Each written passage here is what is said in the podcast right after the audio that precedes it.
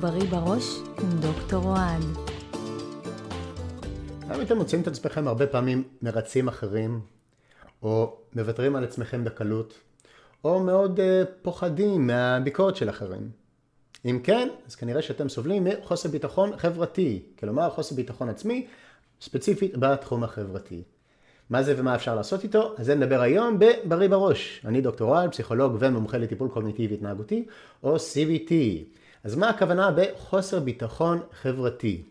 הכוונה היא שאנחנו בעצם מתקשים להעריך את עצמנו, הביטחון העצמי שלנו הוא לא לגמרי עצמי, הוא לא לגמרי שלנו. כלומר, אנחנו סומכים על האישורים של אחרים לדעת שאנחנו בסדר. ואם מישהו לא מאשר אותנו, או מבקר אותנו, או כועס עלינו, אז אנחנו עכשיו מאוימים על ידי הדבר הזה, פוחדים שאולי באמת אנחנו לא בסדר. זה לא חייב להיות כולם, זה יכול להיות אנשים ספציפיים בחיים, אולי בני משפחה, אולי רק הבן בת זוג, אולי חברים, אולי הבוס, אולי אנשים באופן כללי.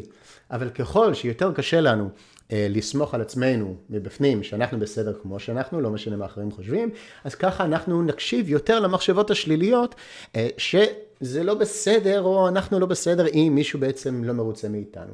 ואז אנחנו נהיה מנוהלים על ידי המחשבות האלה, נאמין להם, הם כמובן ילחיצו אה, אותנו, נהיה מנוהלים על ידי הלחץ הזה, והלחץ הזה ידחוף אותנו להתנהגות כדי לפתור את הלחץ, התנהגות שתגרום לאחר לא לבקר אותנו.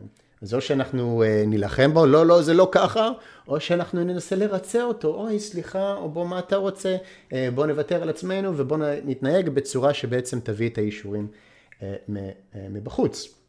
כמובן שהדבר הזה, זה לא גישה ממש פרקטית לחיים, קודם כל לא תמיד אפשר לרצות את האחר, כי כל אחד עם הסריטות שלו, ולפעמים זה רוצים או מבקשים דברים שהם לא קשורים אלינו בכלל, או שהם מוגזמים. אה, וכמובן שגם אם כן זה אפשרי, זה לא אומר שזה בריא לנו. כי בעצם אנחנו מוותרים על עצמנו, על מה שאנחנו מרגישים, מה שאנחנו חושבים, מה שנכון לנו. ואז אנחנו לא מעריכים את עצמנו, כי אנחנו צריכים אה, קודם כל לרצות את השני. אז אה, גישה ממש לא בריאה לחיים, לפחות לא מבחינה נפשית, ומשאירה אותנו במקום מאוד חשוף לפגיעה. אז זה הכוונה בחוסר ביטחון חברתי. מה אפשר לעשות בנדון? אז פה אנחנו צריכים uh, כמה דברים. קודם כל אנחנו צריכים לזהות את המחשבות האלו, המחשבות שבעצם שמות יותר דגש על מה מישהו אחר חושב או מרגיש, לעומת מה שאנחנו חושבים או מרגישים. אוי אוי אוי, זה לא בסדר שהוא כועס עליי, או היא חייבת לעשות ככה, או, או למה הם לא מרוצים ממני. כל מיני מחשבות שליליות כאלה, קודם כל צריך לזהות אותם, כי אם לא נזהה אותם, אז כמובן ישר נזדהה איתם, נאמין להם, נעצים אותם, וכמובן נלחץ עוד יותר.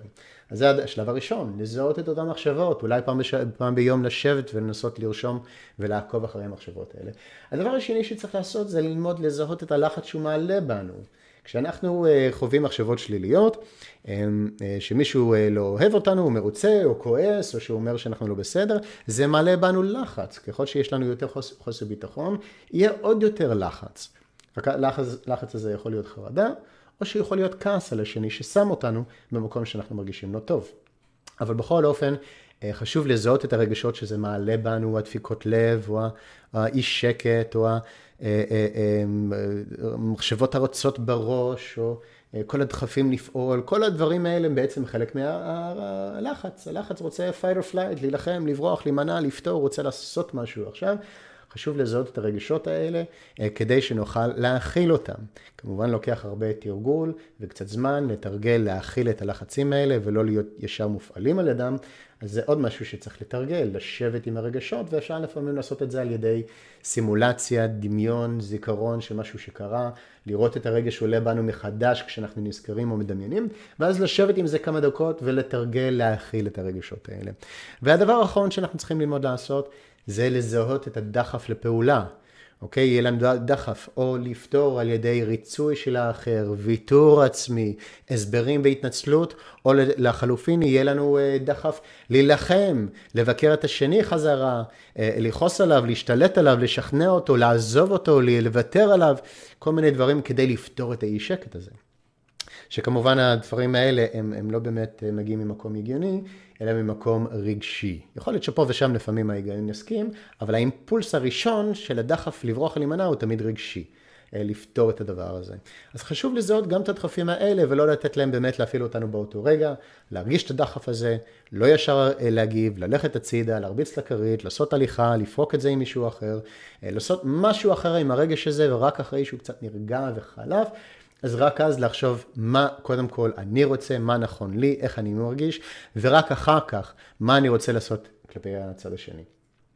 Uh, כמובן שזה uh, easier said than done, זה לא באמת כזה פשוט, uh, זה לוקח המון זמן ו- תרגול, להגיע לד... למצב כזה שאני יכול לזהות את המחשבות שלי, שאני יכול להכיל את הרגשות שלי, שאני יכול להתנגד לדחפים האלה, אבל זה בדיוק מה, של...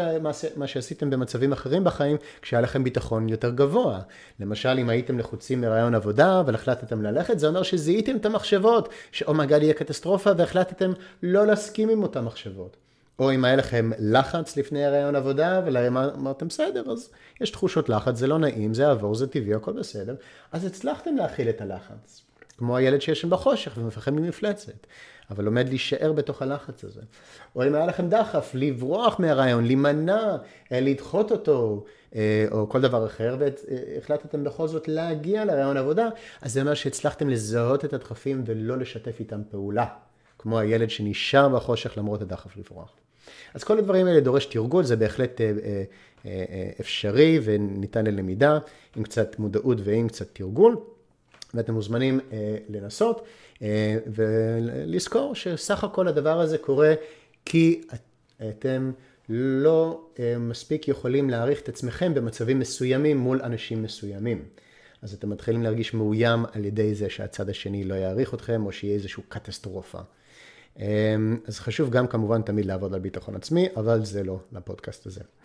אה, זהו, אני דוקטור וואד, אה, אתם מוזמנים לעקוב אחריי, או בפודקאסט או ביוטיוב, כדי לקבל עדכונים על שידורים חדשים, על נושאים חדשים או כלים חדשים, אה, ובינתיים אני מאחל לכם שיהיה לכם אחלה שבוע, ושבוע שהוא בריא בראש.